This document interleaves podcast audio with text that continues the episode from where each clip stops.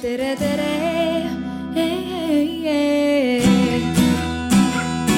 Eestimaa.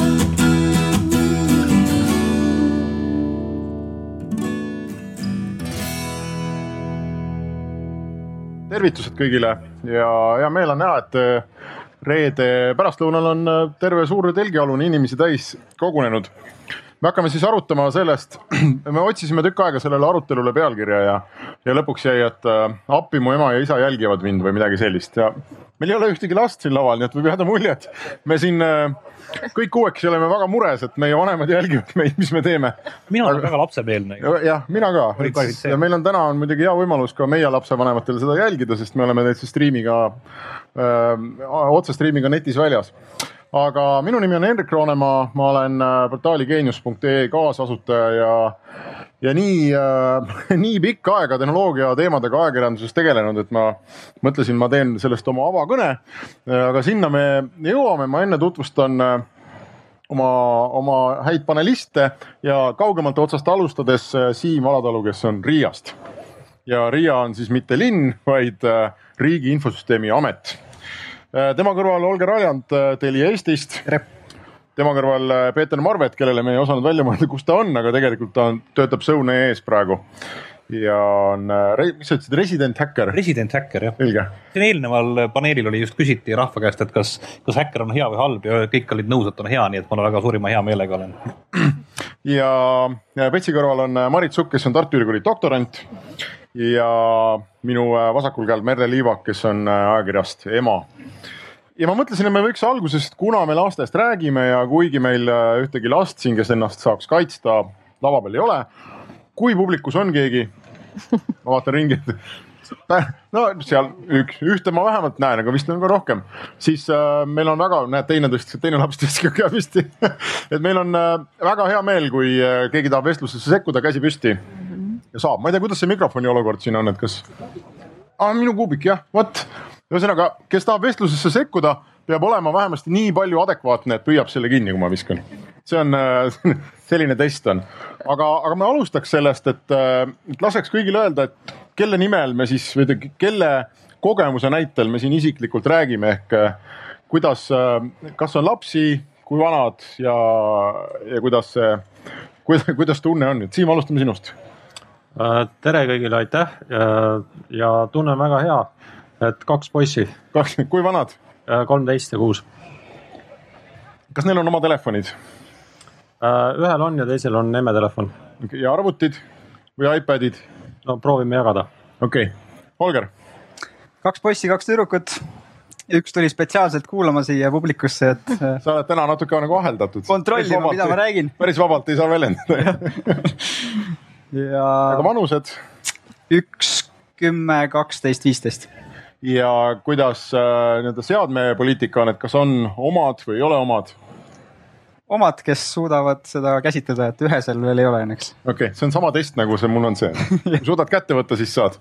Pets, ja mul on äh, kaks poega, üks on äh, koha peale ka tulnud äh,, mõlemad suurusjärgus kakskümmend ehk et kui me alustame sellest, et äh, kas neil on oma seadmed, Pets? kas, neil on omad seadmed, et äh, jah, selles mõttes, et neil on olemas äh, hulgim, et me oleme kuidagi olnud äh, ilmselt otsapidi Issist tingituna selline pere, kus vist äh, alguses me just rääkisime, et kuidas nad on kasvanud, et nad on kasvanud äh, niimoodi, et kodus oli arvutijupid ja kõik olid laiali ja nad suutsid, tähendab selle käigus mitte kuhugi näppe vahele toppida, nii et, et see ilmselt on andnud sellise äh, alguse poole sellisest äh, arvutiharidusest, et jah, meil on äh,, ma ei oska öelda, kui palju meil arvuteid kodus on jah, aga samas see on nagu hea poliitika on ju, et kui sa tahad endale arvutit, siis pane ise kokku ja siis saad. ja see, see, see on ka tegelikult olnud jah lugu, et kunagi, kui nad jõudsid selleni, et oleks vaja mänguarvutit, siis äh, et okei okay,, et aga ise panete juppides kokku, ise teate kõike, nii et selles mõttes, et Mm -hmm. Lähme edasi, Marit, ähm,. tere ka minu poolt, ma arvan, et ma olen siin seltskonnas ainus, kellel endal veel lapsi ei ole. küll aga ütleme niimoodi, et lapsed on minu uurimisobjekt ehk siis ähm, ehk siis äh, jah, ma uurin lapsi ja nende vanemaid, seega ikka natuke puutun kokku nendega. ja pealegi sa oled äh, doktorant, et ma eeldan, et üks, üks laps on ikkagi doktoritöö nimeline selline väga vaevaline laps on kuskil ootamas. ja laps sai, saab uuel nädalal ei, nädal peale seda saab üheaastaseks, et, et jah, et üsna, üsna nooruk on veel. ja Merle? minul on kolm last, kõige vanem on üheksa-aastane, siis tuleb seitsmene ja viiene ja üheksa-aastasel on oma nuputelefon ja eks siis nüüd seitsmene, kes läheb kooli, saab ka oma esimese telefoni, mis on nuputelefon mm. -hmm. ja kõige noorem ei saa midagi. tema, tema, tema laenab.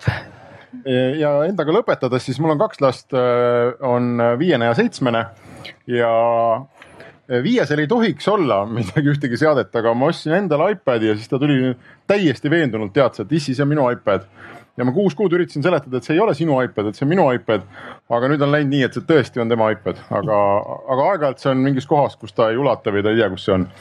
ja seitsmesel on nüüd oma telefon ja kuna me märtsi algusest olime sunnitud istuma kodus, ta küll koolis ei käi, et see e-kooli mure jäi ära. aga, aga siis ma põhimõtteliselt andsin talle oma vana arvuti selleks, et ta saaks Minecrafti sõpradega mängida ja tal oleks midagi teha.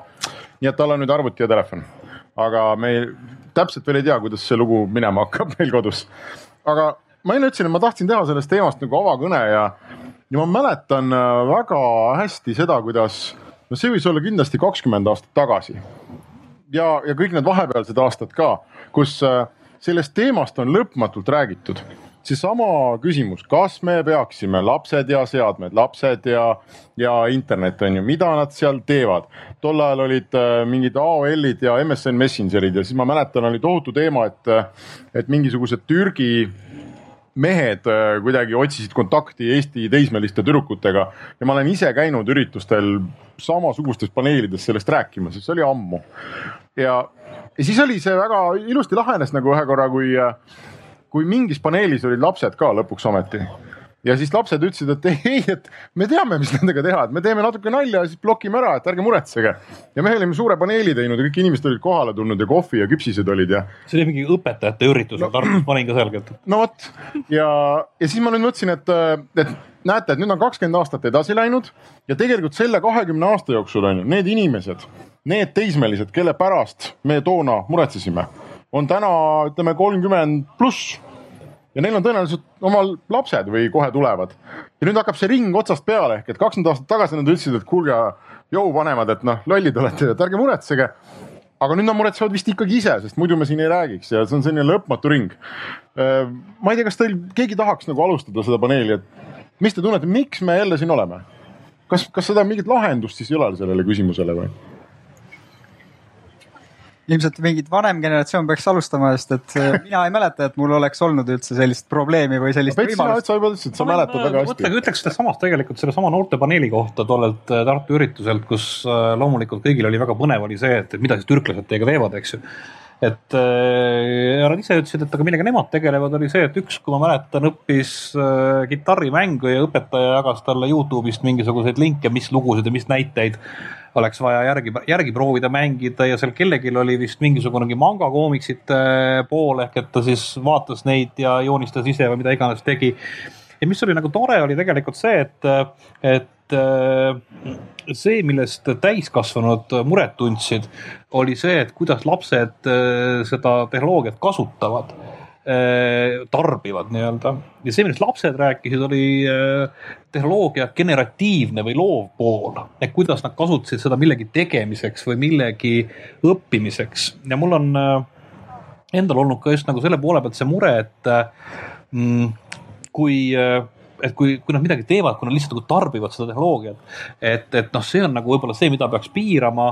Ja meil oli kunagi vist olid äh, kodus mingisugused noh, nii-öelda mingid ajalimiidid, mis meil on olnud väga kummist, kui ma õieti mäletan äh,. aga meil oli see, et, et, et, teleka aega sai vahetada arvuti ajaks Äh, teistpidi ei saanud ja selle tulemusena ka üldiselt oligi see, et lapsed nagu telekat ei vaadanud. sest et telekaaeg vahetati lihtsalt arvuti ajaks ja nad said äh, tänu, sellele rohkem ekraaniaega, mis oli mingisugune selline nagu aktiivsema suhtlusega, aktiivsema tegevusega aeg, mis minu arust oli positiivne. et äh, ja ma olen nagu läbi aegade kogu aeg jälginud just seda poolt, et, et mida nad teevad, et kas see on kuidagi nagu nüüd probleemiks või, et kas nad, et nad nagu mängivad aga nad hakkasid, minu omad hakkasid mängima pärast seda, kui ma olin käinud ühel äh, koolidirektorite konverentsil rääkimas arvutimängudest. mult vahe paluti rääkida loomulikult kooli kiusamisest, aga ma rääkisin sellest, kuidas World of Warcraft toimib ja, ja mis seal on. ja nad hakkasid sealt mängima ja ma sain aru, et nad tegelikult, nad õpivad selle käigus ehk et kui äh, väiksem poeg läks kooli, siis sellest vanusest oli juba mänginud mingi aastakese World of Warcrafti ja kui ta nägi jalgpalli, siis tema küsimus oli jalgpalli nähes oli see, et, et mitu, mitu nurka on jalgpallil kokku. noh, jalgpall on kuue, kuuenurksed vist või kaheksanurksed need lapid seal, eks et ta noh, noh palli nähes tal tekkis nagu matemaatiline küsimus koheselt, et kuidas seda kokku arvutada ja kokku lugeda. ta läks kooli ja siis ta nägi esimest korda jalgpalli ei, ta oli jalgpalli ka niimoodi, aga ta, ta lihtsalt ta, nagu ta käsitleski tema ümber olevaid objekte selles mõttes nagu sellisena. ja nad olid harjunud äh, tegutsema oksjonimajas. Äh, neil olid olemas väga kavalad strateegiad selles mõttes, et ma mäletan, et nad tõusid hommikul, tõusid vara ülesse. Äh, sest et äh, vara oli vähe neid igasuguseid nännijahtijaid seal, oli võimalik koguda endale luut kokku ja siis õhtul enam-vähem enne hammaste pesemist korralikul õigel ajal magama minnes panid nad selle müüki oksjonimajasse, sest et siis tulid täiskasvanud eurooplased tulid mängima ja nad said väga hea hinnaga seda kraavi maha müüdud ja nagu ma saan aru, et nagu sealt on neil tekkinud kogu selline nagu ka nagu arusaamine minu arust nagu majandusest ja kõigest muust, et noh, nad. okei okay,, aga selles mõttes, et see on. ehk et ja, ja ma ütlen, et ma nägin, et see mängimine oli selline nagu noh, nagu ta tegelikult, ta tegelikult õppisid ja see võib-olla ei olnud sedamoodi õppimine, nagu me oleme harjunud, et nad kirjutavad selle töövihikusse midagi. aga see on olnud kogu aeg nende jaoks nagu looming no,. mäng on väikse inimese töö, on ju, aga, aga no sellest hoolimata, ma ei tea, Merle, ma küsiks sinu käest või mina näiteks tunnen küll ise on ju, olles kogu aeg ka arvanud sellest kõigest samamoodi nagu Marvet praegu rääkis, et noh, et kõik on hästi, rahu. aga samas ma tunnen seda ikkagi vanemana, et äh, kui ma vaatan oma seitsmeaastast ja tal on terve see internet on valla, on ju. Ja terve see internet äh, kogu aeg aktiivselt soovitab talle midagi. Ja see soovitusmasin on mingi must kast, mingi algoritm, jumal teab, noh, et sihuke vanemlik mure on tegelikult ikkagi olemas. Mulle tundub ka, et me räägime erinevatest aegadest, et, et kui mina seda avarat internetti vaatan, siis mulle endale tundub, et see keskkond on manipulatiivsem ja, ja rohkem meid juhtiv. ja, ja kui ma vaatan oma lapsi, siis mulle tundub, et näiteks üks nendest on märksa enam nagu ähm, noh, läheb, läheb sellesse nii sisse ja kaasa, et tal on raske lõpetada mm. -hmm aga teist, teistel on see lihtsam, et see oleneb nagu hästi lastest ka. et, et raske, raske on nagu kõigi eest rääkida. aga sul on tunne, et, et kui sinu laps käib selles suures tundmatus internetis, et sa noh, vanemana peaksid teda nagu kuidagi vaatama, jälgima, et, et tal kõik oleks nagu hästi või et sa tunned sellist, ma ei tea, vastutust või hirmu või? mul on, mul on nagu Äh, selline ähm, hästi palju küsimusi tuleviku ees, aga võib-olla see ongi minu viga, et ma näen seda nagu tuleviku probleemina, sest tegelikult mu laps ju mängib Minecrafti ja, ja, ja Robloksi äh, ja ja tal on selleks äh, kolm aega nädalas või jah, nädalas. Ja alguses me püüdsime poole tunniga hakkama saada, siis selgus, et seda, seda mängu lihtsalt ei ole võimalik, et ta elab alles sisse ja see on äh, lapse piinamine just siis ära lõpetada. Ja siis, äh, siis meil nagu venis see tunni aja peale aga, aga mm, tal on ikkagi raske alati lõpetada, isegi siis, kui ta tegelikult on saanud kaks tundi mängida mm. -hmm. isegi siis mõne, mõne, mõnel juhul me oleme teinud eksperimendi, et, et kui meil on noh, karantiini ajal ka, meil oli vaja töid teha ja me, me nagu noh, üle pooleteist tunni seda oma kolme väikse, suhteliselt väikse lapse kõrvalt ei leidnudki äh,. rohkem kui poolteist tundi hommikul, siis me mingid päevad näiteks äh, lasime vabaks täiesti arvuti kasutamist. istu nii palju, kui tahad, jah? tehke, tehke, mis tahate saate või no tähendab nendes äh, mäng, mängudes, mida, mida me oleme kinnitanud, et seal võib. Ja, ja siis mul oli veel nagu see, see tunne või küsimus, et, et huvitav, kas siis, kui neil on vabalt see ressurss käes, et kas siis nagu läheb mõistlikumaks nende suhe nendega või, või mitte. mina ei näinud, ütleme viie päeva jooksul ma ei näinud mingit muutust, et nad nagu kuidagi vaataks, et oh, ma ei, ma ei viitsi enam, et ma lähen õue mm -hmm. mängima, et sellist asja ei toimunud. ja ma arvan, et kuna kogu elu on digitaliseerunud nii palju rohkem ja kogu kultuur nagu liigub sinnapoole, siis tänase, tänapäeva lapsevanemate väljakutsed on keerulisemad kui, kui, kui teie suurepäraste laste äh, väike lapse eas, sellepärast et äh, ma usun, et teie lapsed mängisid õues, neil olid seal sõbrad. ma arvan, et, et see oli nagu veel nagu toimis selline iseseisev õues mängimine. ma eeldan. ja ei, Olgar. jah, ja ma mõtlen jah selle peale, et inimesed või noh, kipuvad võrdlema ikkagi sellega, mis kogemus neil endal on mm -hmm. ja siis sellest lähtuvalt, kas see on mure või ei ole mure mm. -hmm et ma mõtlen lihtsalt jällegi selle generatsiooni vahepeal, et kui ma ise noh, ei ole sellist maailma kogenud, ma olen mingit teistsugust maailma kogenud. sel ajal, kui ma olin väike, äh, et mis mängusid siis mina mängisin, kus mina olin, mis olid need mõjurid, mis oli see keskkond, mis olid need sõbrad, siis mul on nagu praegu kuidagi kergem sellepärast et ma näen, et nemad üldse sellega tegelema ei pea. et noh, jällegi, kellel oli. oota, millega ei pea tegelema? no ühesõnaga, ma olen nagu nii-öelda noh, tänases mõistes getos üles kasvanud, onju. Mhm. et siis. ehk siis Kalamajas Õismäel et siis äh, mul on nagu selline võrdluspilt, et, et mis ohud olid siis ja ma ei kujuta ette, kuidas minu ema ja isa said nii rahulikud olla, kui mina olin päev läbi õues mm. -hmm et siis see õues olemine täna on hoopis teine äh, mõte on ju. väike Olger, istu siin arvuti taga, me teame, kus sa oled. jah, et äh, ma ütleks, et täna ja siis see areng ka, et mis see lapse areng nagu siis versus praegu, et see keskkond, mis mind arendas, noh, ma ütlen, et see oli kümneid kordi aeglasem et kui see areng, me võime vaielda, kas see on paremuse või halvemuse poole, aga see areng on tohutult palju kiirem. et kui me suudaks lihtsalt seda õigesti ära kasutada ja suunata, siis ma näen, et noh, igal juhul on kuidagi olukord parem jällegi minu seisukohalt või minu sellest võrdluspunktist nagu, äh, kui mina noor olin. et seal tekivad sellised erinevad äh, õppimismetoodikad ja tegelikult tekivad ka teineteise õpetamise metoodikad ehk et äh, kunagi oli üks olukord, kus ma lasin oma nooremal pojal salvestada eh, videot selle kohta, kuidas ta oli ehitanud Minecrafti mingisuguse kahemastilise purjeka. kujutate ette, pikslitesse ehitad purjeka põhimõtteliselt, mis on nagu purjed on ilusti tuules ja kõik, kõik on nagu selline vinge, eks ju, ta rääkis seda. kuidas see, kuidas see käib, ta rääkis kogu detailsusest, kuidas ta tegelikult oli teinud selle järgi mingisuguseid pärismaailma purjeka detaile ja kõike muud sellist. istusin, et aa, kas ma võin ühe õppevideo ka teha. ja see oli nagu niivõrd võrratu vaadata, et kuidas nende arusaamine sellest, kuidas õpetamine käib. Eh, see oli nagu selline noh, ilma mingisuguse õpetamist õppimata oli tal metoodika. alustuseks see, et me õpetame asja kõrbes. sest et kõrbes millegi ehitamise puhul meil ei ole selle müra kõrval. sa näed, sa saad aru, mida ma sulle õpetan täpselt, eks ju. Eh, ta mude-, ta kõigepealt näitas töötavat objekti ehk et õppija saab aru, kes tema videot vaatab, mida ta tegema hakkab. see õpi-, see tegemine on eesmärgistatud, et ma, ahah, nüüd ma saan aru, kuidas see asi käib. siis ta näitas detailselt mingisuguse asja ehitamise jupphaaval ära, vot need käivad niimoodi, need käivad niimoodi, eks ju. ja nii, nüüd ta demonstreeris, et see töötab ja lõpus oli puänt ehk mingisugune selline nagu naljakas asi selleks, et see teadmine kinnistuks, no põhimõtteliselt mingi tüüp kukkus laavajärve ja hüppas luukere, luukere välja, selles mõttes selline, aga noh, see on täpselt noh, sellesse konteksti sobiv nali. et ja ma sain aru, et ahaa, et oot-oot, aga niimoodi nad õpivad, nad õpivad mitte ainult seda, et kuidas midagi eh, teha, vaid nad õpet-, õpivad ka tegelikult sellist noh, nagu suhtlust ja kuidas kommunikeerida minimaalse vaevaga teistele inimestele neid asju. ja miks nad seda niimoodi teevad, sellepärast et nad on ise hästi palju selliseid, neid samu videoid vaadanud. ja mul oligi kogu aeg oli kartus, et tähendab, et kas kas see, et okei okay,, et ta mängib, me jõudsime sellele, et võib-olla mängimine tõesti on selline väikese inimese töö, aga kas see nagu mängu läbimängimise videote vaatamine, kas see on ka äh, okei okay asi? ma vahepeal tundsin, et see oli nagu, et see nagu probleem, et okei okay,, mängi, mängi, et tee nagu vanem vend, et mängid, aga mis sa nagu vahid neid. ja siis ma ühel hetkel vaatasin, kuidas kaks venda mängivad ja tuli välja, et, et äh, noh, vanem vend oli milleks iganes tangiks või, või selleks ja väik- ja, ja, väiksem vend oli, oli nagu strateeg, sest tema teadis, kuidas seda kolli tappa. et tal oli olemas see asi ja see, ja see metoodika, et sa nagu teed endale selgeks, kuidas see asi käib ja siis lähed kolli tapma ja võtad noh, nagu need sõbrad ja vennad kaasa, kellega seda koos teha. et see on nagu kuidagi niivõrd teistpidine mõtlemine, et ma ja seejärel ma sain aru, et okei okay,, ma teeme niimoodi, et ma siis ei hakka, ei hakka norima selle videote vaatamise peale ka rohkem. no Siim, sa oled nüüd kuulanud, kuidas sul, kas sul on lapsevanemlik mure, kui sa vaatad oma last ja seadet tema käes?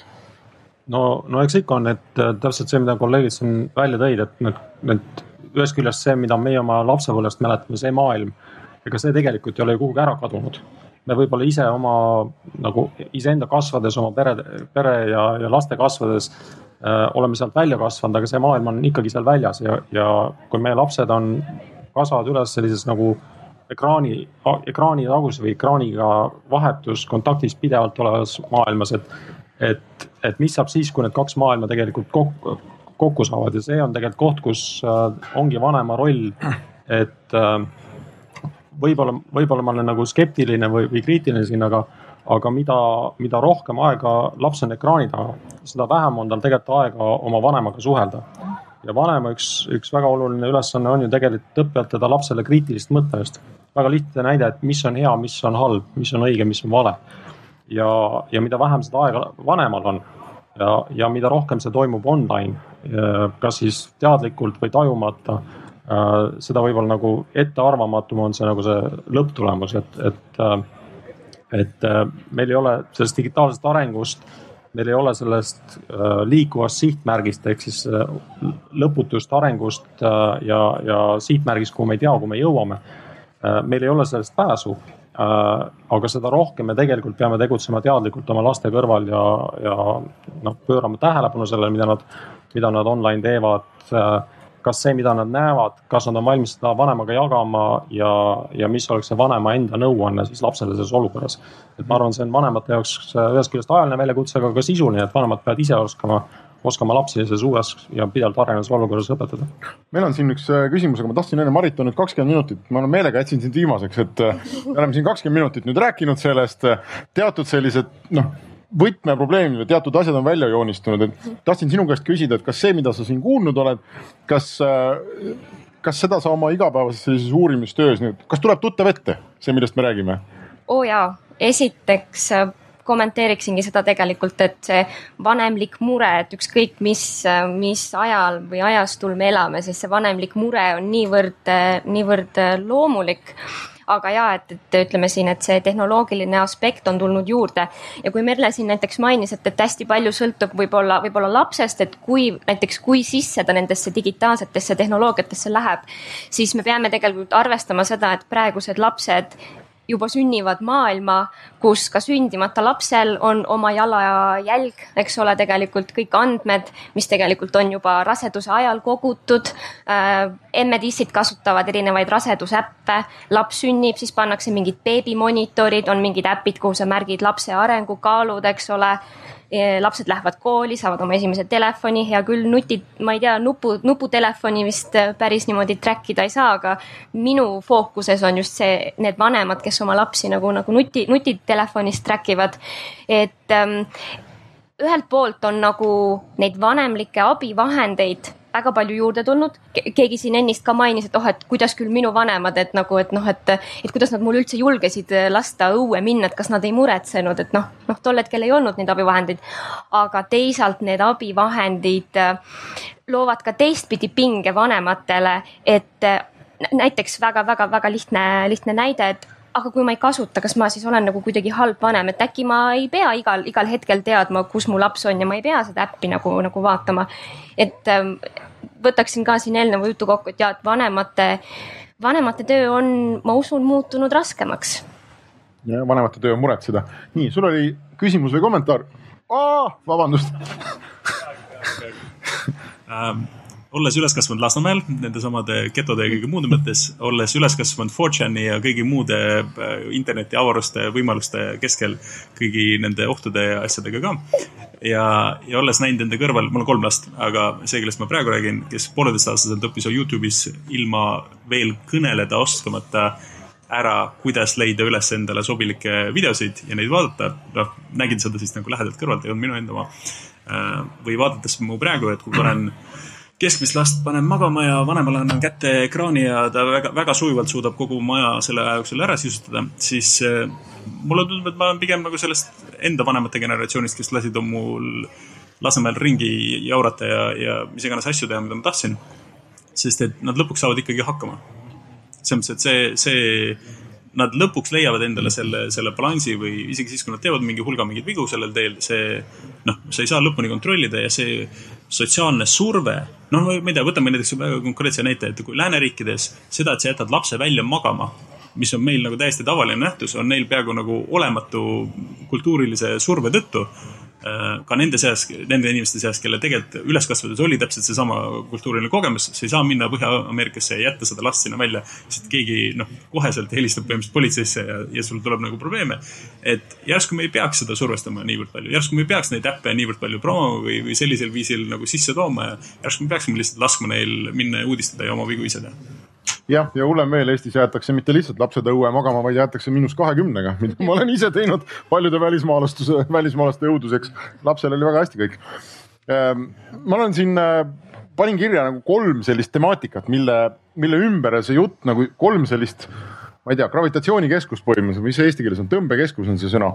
et, äh, et on kolm teemat, kuhu need jutud iseenesest nagu lähevad, üks on see, et kui kaua ta seal istub teine on see, mida ta seal teeb ja kolmas on see, mille, mille Marit välja tõi ja mis on tegelikult ka meie tänase arutelu teema, et aga kas ma peaksin jälgima, mida ta seal teeb või üldse, kus ta käib.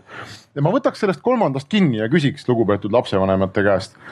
kui teie lapsel on telefon ja tegelikult seal saab ju vaadata, et kus, sa soovid oma telefonist kogu aeg vaadata, kus mu laps on sa võid oma telefonist kogu aeg vaadata, mida, mis äpid ta installis, mida ta guugeldas. kas peaks lapsevanem seda tegema või lapsevanem ei peaks seda tegema, ma ei tea, kes tahab alustada?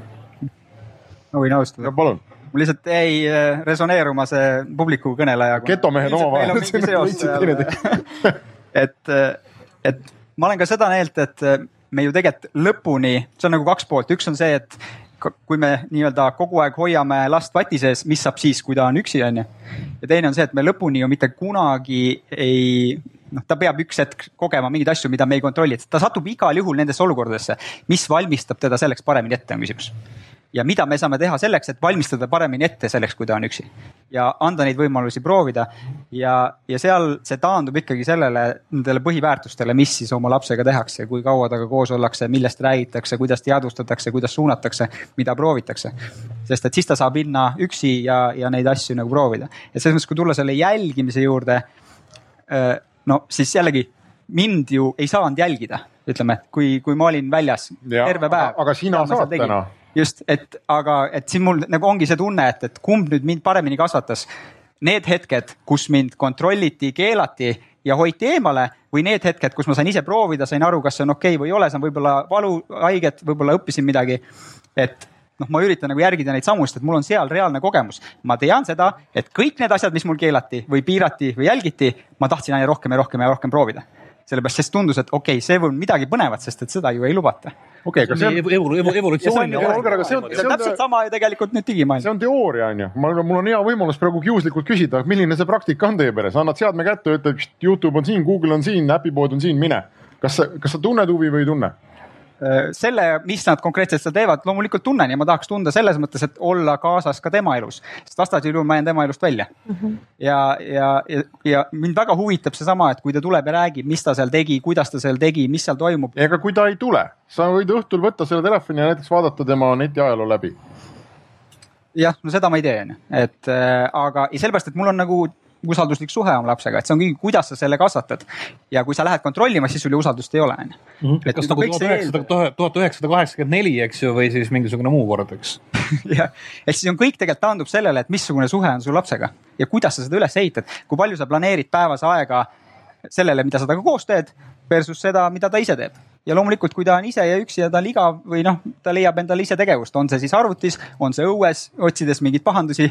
et noh, mis on hea, mis on halb, et ma, ma ei näe, ma ei, ma ei leia nagu seal väga suuri erinevusi sellega, mis on kogu aeg olnud nii-öelda, olenemata, kas see on nutiseade või see ei ole nutiseade. kas ma saan õigesti aru, et sa oled pigem selle poolt, et, et lapsed võiksid äh, seal kübermaailmas ise toimetada nii et noh, vanemal on enam-vähem võib-olla mingi pilt ees nagu, nagu omal ajal sinu vanemad enam-vähem võib-olla teadsid, kus sa oled, onju. aga, aga et vanemad ei pea noh, viimse bitini nagu kogu aeg kõike läbi lugema ja jälgima, et kas ma sain õigesti aru, et sa mõtled ja, nii? aga see eeldab seda, et mul on oma lapsega mingi usalduslik suhe, nii et ma tegelikult tean, mis teda huvitab mm, -hmm. ma tean, mida ta tahab teha, tema teab, mis on minu ootused ja siis me saame nii-öelda omavahel rääkida ja siis tekib ka see, et siis ta ka räägib, kui talle ei meeldi midagi, kui tal tekib mingi oht.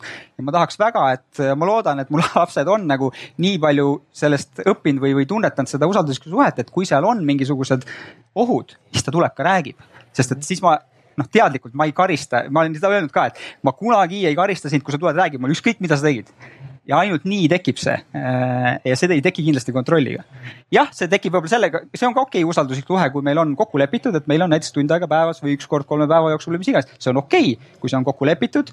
mõlemad pooled saavad piisavalt seda vajadust rahuldada, aga siis peab olema ka muid asju seal kõrval, sest et kui seal muid asju ei ole, noh siis siis tuleb see vajadus suurem on ju. Merle, ja meil oligi oma perega hästi suur dilemma karantiini ajal, et äh, me hoidsime seda vana rütmi selle lubamisega, et millal ja kui palju nad saavad äh, arvutis olla.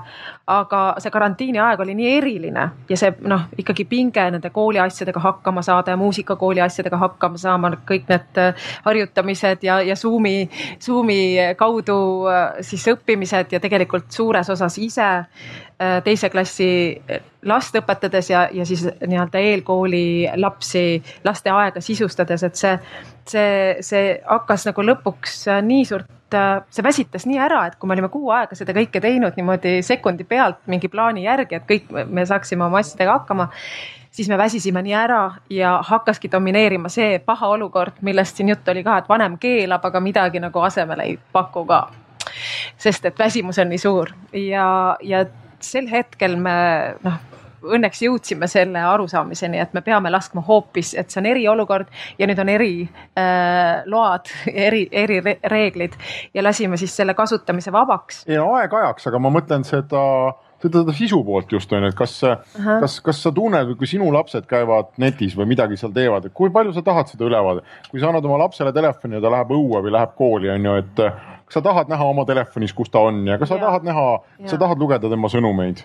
no mul on nagu selline kogemus ähm äh, üks tuttav lihtsalt rääkis oma sisemisest tundest, see ei, ei, ei toetu kuskile nagu teadusuuringule, aga ta ütles seda, et, et siis just mobiiltelefonid äh, nagu nagu siis hakati ostma ka lastele, see oli see aeg, ma arvan, see oli siis mingi kümme aastat tagasi või kaheksa umbes sinnakanti. ja siis ta nagu rääkis sellest, et temal on selline tunne, et, et kui tema lastel ei olnud telefone, et kui tema annab telefoni, siis tema nagu usaldab kogu selle lapse juhtimise telefoni kätte, et, et vot tal on siis tunne, et lapsel on elu turvalisem, aga tegelikult ei ole, et ta kuidagi tunneb, et tema, et see kärbib tema intuitsiooni. Ja, ja mul tekkis paralleel ühe nagu metsamehe tunnistusega, et kui ta võttis GPS-i tagasi seal selles laanes kasutusele, siis tal kadus ära väga kiiresti loomulik võime tegelikult mm. Tunda, äh, ära tunda kohti ja, ja tajuda seda geograafilist siis ala ja, ja mul on tunne, et, et see kontrollimise peale üleminek annab ka laps, lapsevanemale hästi palju sellist võltskindlust, et mul on kontroll lapse üle, sest ma saan aru ja ma olen kuulnud teistelt nagu vanemate laste, lapsevanematelt, et lapsed leiavad igasuguseid riukaid vidinaid nurgataguseid ja kuidas nagu oma vanemaid ära lollitada. et mis puudutab siis mingisuguse telefoni kasutamise piira, piirangu äppi või? Et äh, see ei ole, see ei ole lahendus, et ma tulen ka tagasi siin juba nimetatud usalduse juurde, et mida tuleb nagu ehitada, aga ma arvan, et väiksemad lapsed, kelle kellega mina praegu siis äh, tegelen, et nende puhul ikkagi peab olema hästi selgelt reeglid ja see teadmine jah, et mida, mida nad teevad, mis asju nad vaatavad, et püüda nende huvidele vastu tulla, aga ka siis kehtestada neid piire. ma pean ise seda väga-väga oluliseks ja võimalikult, et oleks ka võimalikult äh, arusaadavad need piirid, et me ei vaidleks, et ei oleks sellist äh, negatiivset atmosfääri kodus, kus me õiendame ja keelame ja et, et seda tuleks vähendada. Siim, mis, mis, mis sinu filosoofia on, kas ja. laps lasta üksi interneti lahti ja loota, et tuleb õhtuks tagasi või, või mitte? no ma arvan, et see lõpuks taandub ikkagi väga lihtsal sõnal, et teadmisvajadus. et äh, see on niisugune moodne vanasõna, et äh, küber võib sind mitte huvitada, aga küberruumi sina huvitad küll. ehk siis äh, lõpuks on küsimus selles, et, et see viis, kas, kas laps räägib ise sulle või sa vaatad tema telefoni või tahvlit ja, ja saad sealtkaudu info kätte. see teadmisvajadus on nagu sinu teadmisvajadus, aga, aga kellelgi teisel kuskil võib olla see teadmisvajadus hoopis äh, nagu teistel kaalutlustel. ja iga, iga inimene online, iga laps online, see on tegelikult meile hoomamatu väärtusega. kellegi teise jaoks võib see olla puhtalt nagu raha mm, -hmm. tema andmed, tema identiteet, no me teame, me oleme Riias, Riia, kui ma nüüd Riiat esindan siin, et äh, et on proovitud näiteks surnud inimeste ID-kaarte kasutada, et noh, me, me ise ei mõtle selle peale, et noh, mis see ID-kaart siis meile annab igapäevaselt. aga see on väga suur äh, väärtus kellegi teise pahatahtliku inimese jaoks.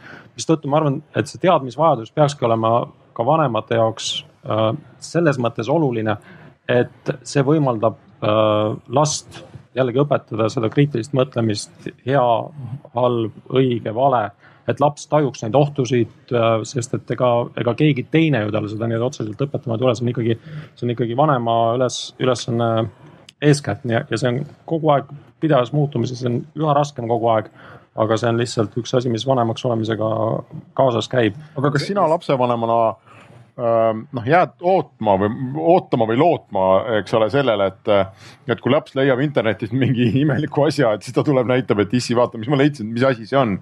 või, või sul on ikkagi noh, see, see on ju nii lihtne tegelikult on üheselt lõpuks ometi selgeks teha, et kas su lapsel on mingi jama või ei ole. laps läheb magama, võtad seadmed ette, vaatad läbi, uh, südarahu, et see, noh, see võimalus ju terendab kogu aeg ju ees. väga keeruline öelda, et ei, ma ei tee seda või, või jah, ma teen, mis, mis sinu seisukoht on? No absoluutselt, et, et no ideaalne olukord on see, kui laps on, usaldab ja tuleb, räägib, et, et vaata, ma näen sihuke, sihuke uus asi et jõle huvitav, et näed, sõbrad kõik kasutavad, et mis sina sellest arvad, see on tegelikult sihuke ideaalne stsenaarium, aga tihti on see, et, et äh, laps ju õpib koolist ja sõpradelt kiiremini, kui ta õpib vanematelt tihti, et ta õpib sealt, kus, kus seda õpetust on võimalik saada. asi, mis on huvitav, tekitab uudishimu, see võetakse ka kasutusele ja, ja tihti on see sihuke nagu tagantjärgi nagu tulekahju kustutamine. aga, aga teisalt jälle võib-olla see on sihuke võltsoptimism, aga üks teine vanasõna siia juurde kohe, et, et äh, kood on nagu vesi, see ainult ootab, et lekkida kuskilt.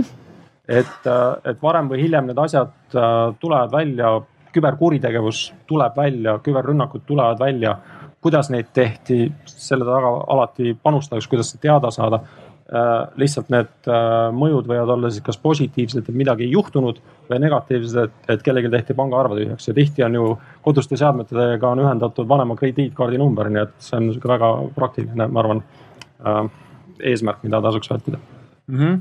Marit, kas siin on olemas mingisugune õige vastus sellele küsimusele, mida ma olen püüdnud teada saada et kas, kas, kas peab niimoodi noh, et kas äh, peab ootama, kuni laps tuleb ise räägib, mis ta seal netis tegi või on ikkagi südamerahustuseks targem äh, sinna mingisugune kontroll peale panna mina nüüd küll ei hakka ühelegi, ühelegi vanemale, eriti olles ise mitte lapsevanem, selles mõttes ütlema, et kindlasti jälgige või kindlasti ärge, ärge jälgige. aga mulle jäi hästi kõlama see, see Merle näide tema sõbrannast ja sellest sisetundest, et, et, et võib-olla nende üle, üleüldse jälgimisega natukene ja eelkõige äppidega on seotud selline võltskontroll ja laste puhul ka võlts turvatunne. toon väga-väga konkreetse näite enda uuringust. Äh, uuringus osales mul paarkümmend last, tegime nendega intervjuu, aga neil oli ka selline kaartide sorteerimise ülesanne.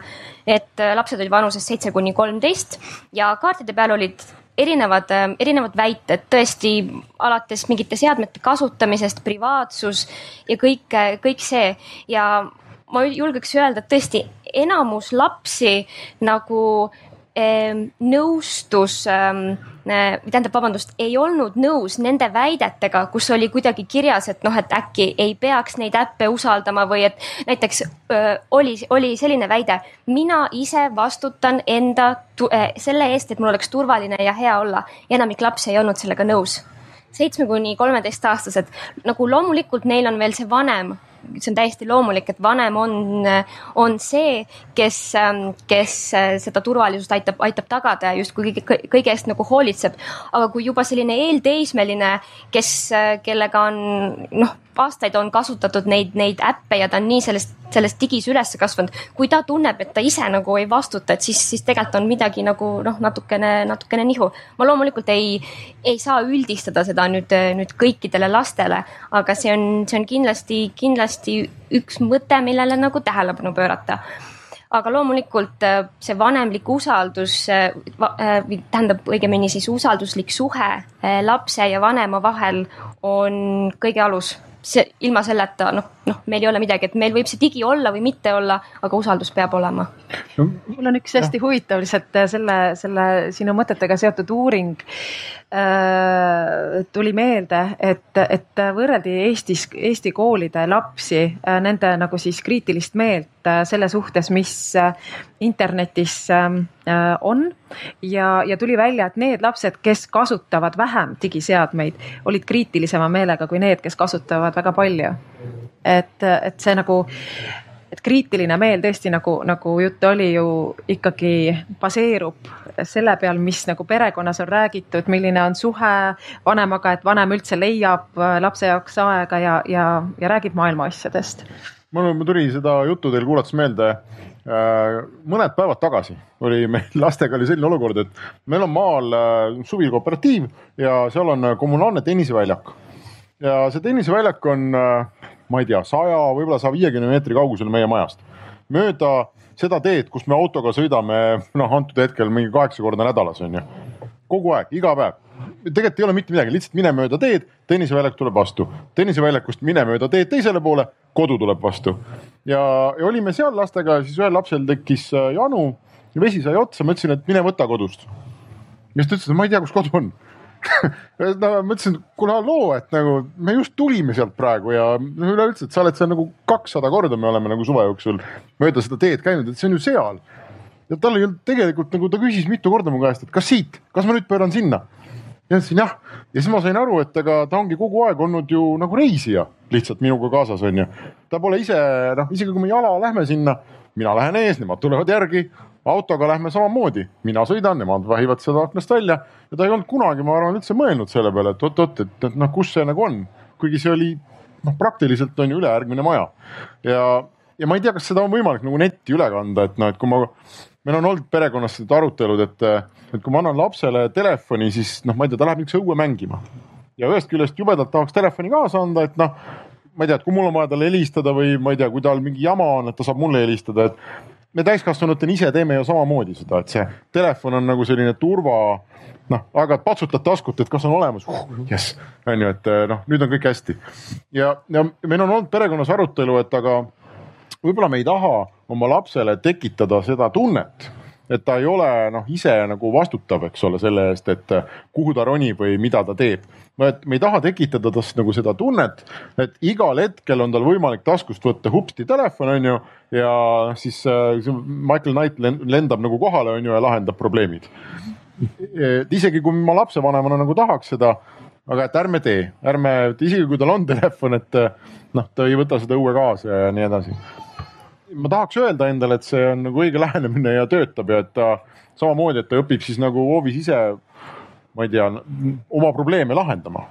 et ma ei ole kogu aeg nagu toru otsas, et, et ütled nagu sõpradele, et kuulge, et mingi, andke talle ka palli et mul äh, väiksemal pojal oli vist äh, nuputelefon, mis, mis äh, esimestel aastatel oli peamiselt kas kadunud või, või aku tühi me olime selle talle kaasa andnud enam-vähem just sellepärast, et, et noh, et, et kui meil on nagu, ma ei tea, kooliteel vaja kuidagi nagu, et kuhu ta on kadunud ja ma, ja me oleme vist ühe korra teda positsioneerinud, see oli siis, kui telefon oli täiesti ära kadunud. telefon jäigi kadunuks selles mõttes, et me ostsime järgmise telefoni lihtsalt. et noh, et, et, et see on täpselt see, et, et, et mida sa kontrollimiseks tahad teha.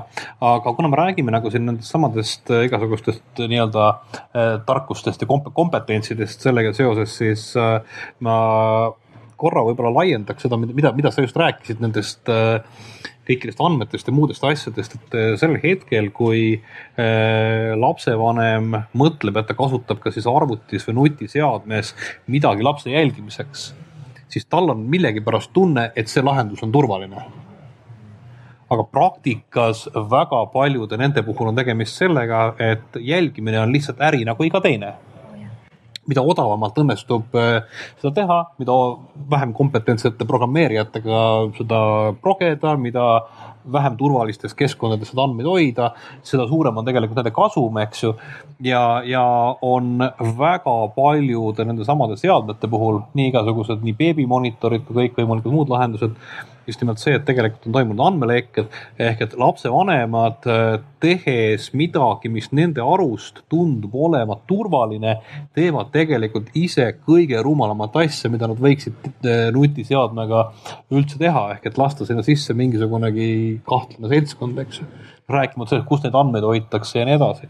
et see on nagu tegelikult veel noh, nagu selle asja selline. oota, ma seletan natuke, ma päris täpselt ei saanud aru praegu, et mis, et mida ma sellesse no, telefoni. viimasel ajal on olnud, on, on, ütleme niimoodi, et teine, teine tore, tore võrdlus on see, et, et äh, jätame korraks lapse kõrvale, aga mõtle, et su kaasa õhtul ka jälgiks, kontrolliks su telefoni, tähendab, et kas sa ikkagi oled korralik kaasa selles mõttes, et see on ju noh, nagu normaalne tegelikult, et sa kontrollid, et sul naine või mees tähendab noh, ikkagi käitub korralikult, sest et noh, nagu ka nagu väike laps tegelikult, eriti mehed, eks ju.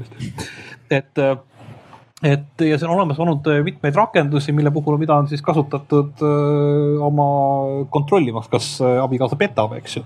ehk siis, mis siis teeb telefonis koopiat ja nii edasi, mis on öö, üks selline noh, nagu võrdlemisi levinud ahistamismeetod, eks ja, ja nende samade süsteemide puhul on see, et, et, et nüüd ühe, ühe poole pealt jah, et sa kusagile talletad seda, mida su kaasa siis telefonis teeb, käid vahepeal nagu kontrollimas ja lugemas, et hästi teeks.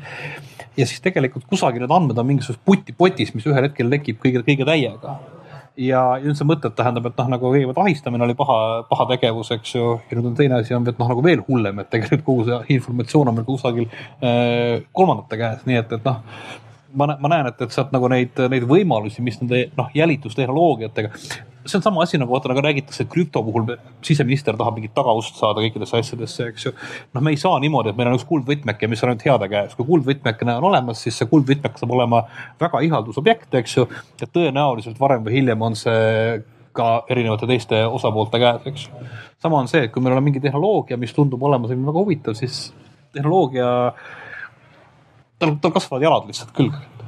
no need ähm, äh, suur osa siis äh, siis ütleme, et laste ja laste privaatsuse uurijatest on ühel meelel tegelikult, et need äh, erinevad teenusepakkujad ja tegelikult need äpid, et nad tegelikult baseeruvad vanemate hirmudel. vanemate hirmude pealt teenitakse raha. vanem muretseb oma, näiteks oma lapse asukoha pärast ja, ja selleks, et siis sellele hirmule mingit leevendust saada, siis pannakse see äpp, eks ole, eks ole, tööle. aga tõesti, et tegelikult ilmselgelt keegi meist ei loe seda terms and conditions osa, pole õrna aimugi, mida nende andmetega tehakse ja kui ma küsisin, mul olid uuringust lisaks lastele ka nende laste vanemad, et kas sa oled kunagi üldse nagu mõelnud, et äkki keegi kolmas pääseb nendele andmetele ligi, siis, siis oli kas lihtne vastus, ei ole mõelnud või et eh, midagi stiilis, et, et ah noh, ma, kes see peaks minu vastu üldse nagu huvi, huvi tundma. kes see minu lapse vastu ikka huvi tunneb? jaa, täpselt, et see noh, see ei ole nagu mingisugune teema üldse, millele peaks tegelikult justkui mõtlema mm. -hmm aga muide, aga ma tahaksin kriitiliselt küsida, et kas on või, et, et seda suurt sellist privaatsusdebatti ja ma ei räägi nüüd enam mitte lastest, vaid üleüldse on ju, mida meil siin noh, ühiskonnas on väga pikalt arutatud, et Facebook teab sust kõike ja Google teab sust kõike ja, ja kõik teavad must kõike, on ju, ma ise ainult ei tea. aga ma, ma olen nagu jõudnud kuidagi alati mõeldes viimasel ajal selleni, et tooge mulle üks reaalne näide ühest füüsilisest inimesest, kellele on võimalik näpuga näidata ja öelda, et vot tema elu on täielik põrgu sellepärast, et Google teab tast kõike või et, et, et Facebook teab tast kõike. ja, ja kui sa otsid neid juhtumeid, noh, me näeme jah, et häkiti, ma ei tea, lekkis äh,.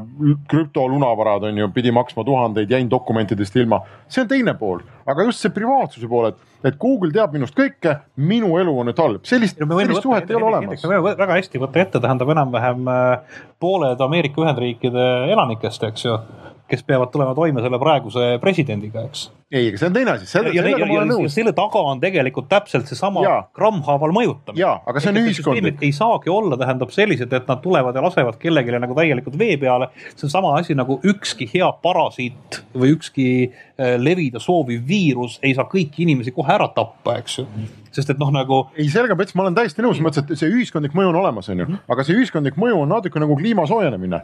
et noh, mina tunnen nagu üks, üks seitsme miljardik sellest on minu vastutus ja see on väga väike ja, ja ma ei väga nagu noh, ei ärka hommikul üles, et selle peale muretseda, on ju.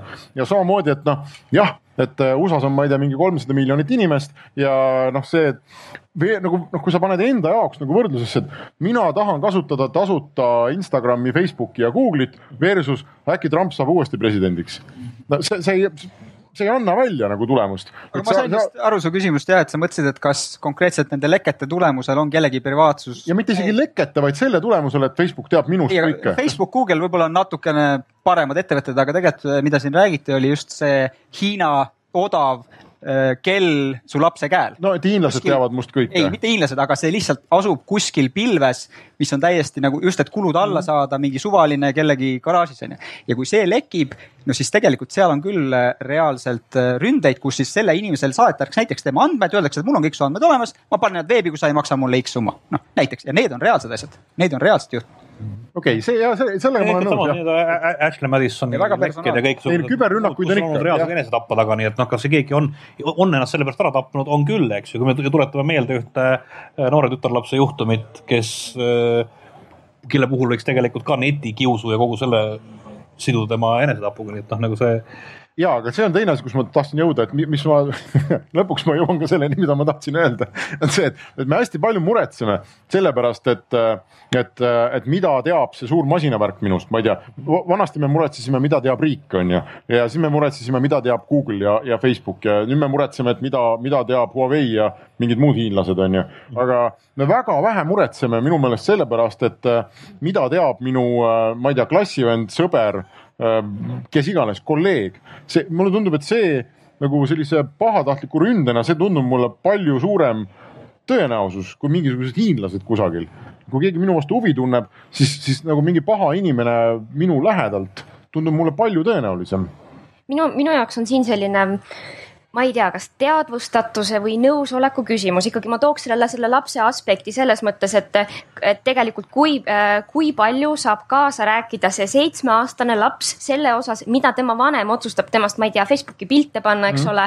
et, et, et just see, noh, need lapsed sellises vanuses, ma arvan, et nad ei ole veel nii nagu tublid otsustama tegelikult, kas nad, kas nad tahavad, tahavad seda või mitte. Ja see sinu, sinu näide, eks ole ütleme nii, et ma ei tea, see klassivend või, või keegi teine. et suure tõenäosusega ikkagi me oleme ise selle, sellele inimesele selle info üsna nagu teadlikult äh, mingil määral andnud, aga, aga see suur ja see kõik need hoomamatu, et, et, et, et ma arvan, et, et me ei teadvusta seda tegelikult nii hästi ja seal ongi see probleem, et me, et me võib-olla ei ole ka mingit sellist nagu väga teadvustatud nõusolekut selleks kõigeks andnud. ma arvan, see oli, tegelikult sa tõid väga hea aspekti sisse, on see, et mida vanemad oma, kuidas vanemad käsitlevad oma laste privaatsust, kui nad ise netis käivad. ja, ja noh, seda on, me oleme ka nagu isiklikult oma perekonnas neid diskussioone pidanud, pidanud pidama ka näiteks vanavanematega, et noh, et et milliseid pilte lastest, kuidas võiks nagu share ida ja, ja noh, millistele teistele vanaemadele, vanaisadele näiteks saata, onju. ja see oli ammu, sellega on, sellega on nüüd nagu korras, aga mul tuli just meelde sind, äh, Marit, kuulates, see oli äkki oli üks aasta aega tagasi või. ma sattusin Facebookis peale, üks vist oli üks lasteriiete bränd, täitsa Eestis tegi sellist äh, nagu jagamismängu kampaaniat põhimõtteliselt, et, äh, et jõu-jõu, et pane siia postituse alla üles oma lapse pilt, kirjuta juurde nimi ja vanus ja siis me loosime välja mingisuguse, mis iganes jope või midagi. ja ma vaatasin seda postitust ja mõtlesin, no okei okay,, onju, et äh, lähme edasi. ja siis ma vaatasin, seal oli sadu kommentaare ja need olid kõik jumala mõistlikud, seal oli tuntud ajakirjanikke, kes iga päev lähevad tööle, kirjutavad sellest, et, et mingid pahad suured firmad teavad meist kõike ja järsku ei olnud mitte kellelgi, ei olnud nagu kriitilist mõtlemist, sajad e-, emad muide valdavalt, mitte et ma pahatahtlikult tahaks öelda, aga, aga need ja, ja pannakse üles. Väike, ma ei tea, mis iganes, on ju, väike Marit kuueaastane, vend on, näed, Tarmo nelja-aastane. Ja lihtsalt tulid. Ja siis ma mõtlesin, kuidas see võimalik on, ma ei saa aru, et kus teie mõistus on selle koha peal, et, et kus on üldse selle inimese mõistus, kes sihukese kampaania teeb. ja siis, kus on need mitmed sajad inimesed, kes muidu on kangesti mures, siis järsku pumm, ei ole nagu mingit mingit probleemi, et äh, jah, oma lapsest ise ma jagan kõike igal pool. ühesõnaga, see küll laiemalt tegelikult turvalisuses on see, et, et meile meeldib seal mingisugusest sellest turvakontseptsioonist nagu rääkida, et on mingi privaatsus on oluline ja midagi muud sihukest ja samuti nagu ka turvalisusega ehk et on palju, siin tuuakse ka hirmutamise poole pealt esile, et äh, mis juhtub teie ettevõttega, kui teie andmed lekivad ja on, on üks uuring on, kus on tuvastatud et, et seitsekümmend viis protsenti inimestest on öelnud, et me ei teeks selle firmaga enam kunagi tegevust, eks ju. ja kui küsida natuke teisiti inimeste käest, et kas te suudate meenutada viimasest aastast äh, mõne tuntud ettevõttega seotud andmeleket, siis see, see, kes suutsid meenutada mõne ettevõtte andmeleket, oli selles mõttes a la mõned protsendid, eks ju. no neid on nagu see... palju palju, liiga palju on neid meenutada. või neid on kohutavalt palju, ma ei, nii palju, et mul ei jää meelde, internet on täis, eks. et aga noh, nagu järelikult vaevalt nad saavad siis ka brändi, brändi otsuseid teha, eks ju, et kui see on nagu niimoodi, et, et see on nagu privaatsus praktikas erineb väga erinevalt sellest, mida me mõtleme privaatsuse alt mm -hmm. niimoodi teoorias ja sellise kontseptsioonina ka ma mõtlesin äh, teil siia, et, et kindlasti see tuleb äh, nagu äh, tõstatub see küsimus ka, et just see privaatsus äh,. et kus see algab lapsel ja kus lõpeb ja, ja, ja siis äh, rääkisin sõpradega ka sellel teemal, et mis nemad sellest arvavad ja siis, siis me jõudsime nagu sellisele ühisele, ühise tunde juurde, et tegelikult äh, noh, meil on käinud need kaks vastandit siit läbi, et üks on lapsevanema hirm ja teine on lapsevanema usaldus. ja tegelikult see natuke nagu puudutab seda oma, oma lapsest pildi tegemist ja näitamist äh, ka, et, et kas sa nagu teed selle otsuse hirmu põhjal, et, et paned sa selle üles või mitte. või sa usaldad, et see on, vot minul on selline kogukondlik äh, seltskond, kes, kes seda pilti näevad ja, ja, ja need inimesed on heatahtlikud. et ähm, et see on vist nagu mingi tasakaalu küsimus, et ühelt poolt see teadlikkus, mis ohud on, aga teiselt poolt me ei saa ju minna nagu hulluks ka, et me ei saa oma lapsi ära peita, kui me tuleme tänavale lastega, me juba äh, seame nad tegelikult sihtmärkideks äh, võib-olla mingisugustele pahadele inimestele. et, äh, et me ei saa neid kodus hoida. Ja, ja ma tunnen ka seda, et, et ma ise olen pidanud ka neid otsuseid tegema, et, et kas ma näitan oma lapsi, kas ma räägin nendest kasvõi täna, kas ma nimetan nende nimesid. Ma juba ütlesin, kui vanad nad on et. Äh, pool, pool oma infost oled sa ära andnud juba. me oleme Facebooki laivis, ma tean. jah, just, et see, et me võime siin nüüd jubedalt muretsema hakata ja, ja teisalt me võime usaldada seda olukorda, et, et kõik on hästi. ja ma olen nõus, mure on üks pool, aga mina isiklikult olen pidanud korduvalt mõtlema mm, selle üle, et kui mina oleksin äh, näiteks kuueaastane, minu laps on ju ja ma teeksin midagi armsalt naljakat, tobedat ja kohmakat. kas ma tahaks, et see pagana känd paneks selle oma sõpradele nagu vaatamiseks üles ja kõik like'iks ja ütleks oi kui nunnu, nii toredasti kukkus, kas oli valus ka? ausalt, öeldes on juba väga piinlik, kui seda vanaemale räägitakse. järgmisel no, oktoobril no,. aga et nüüd ma, et kas mul on õigus, on ju, võtta oma laps, kelle noh, elu üle ma ju tegelikult seaduse järgi valitsen ja vastutan kas mul on, kui palju mina pean tema nagu privaatsusele mõtlema, kui ma midagi teen või midagi jagan? mul on tunne, et see, et sellest teemast räägitakse juba päris, päris palju ja et see teadlikkus tõuseb, et lapsevanemad hakkavad mõtlema, et see ju jääb, see jääbki nüüd sinna mm -hmm. ülesse kuskile ringlema.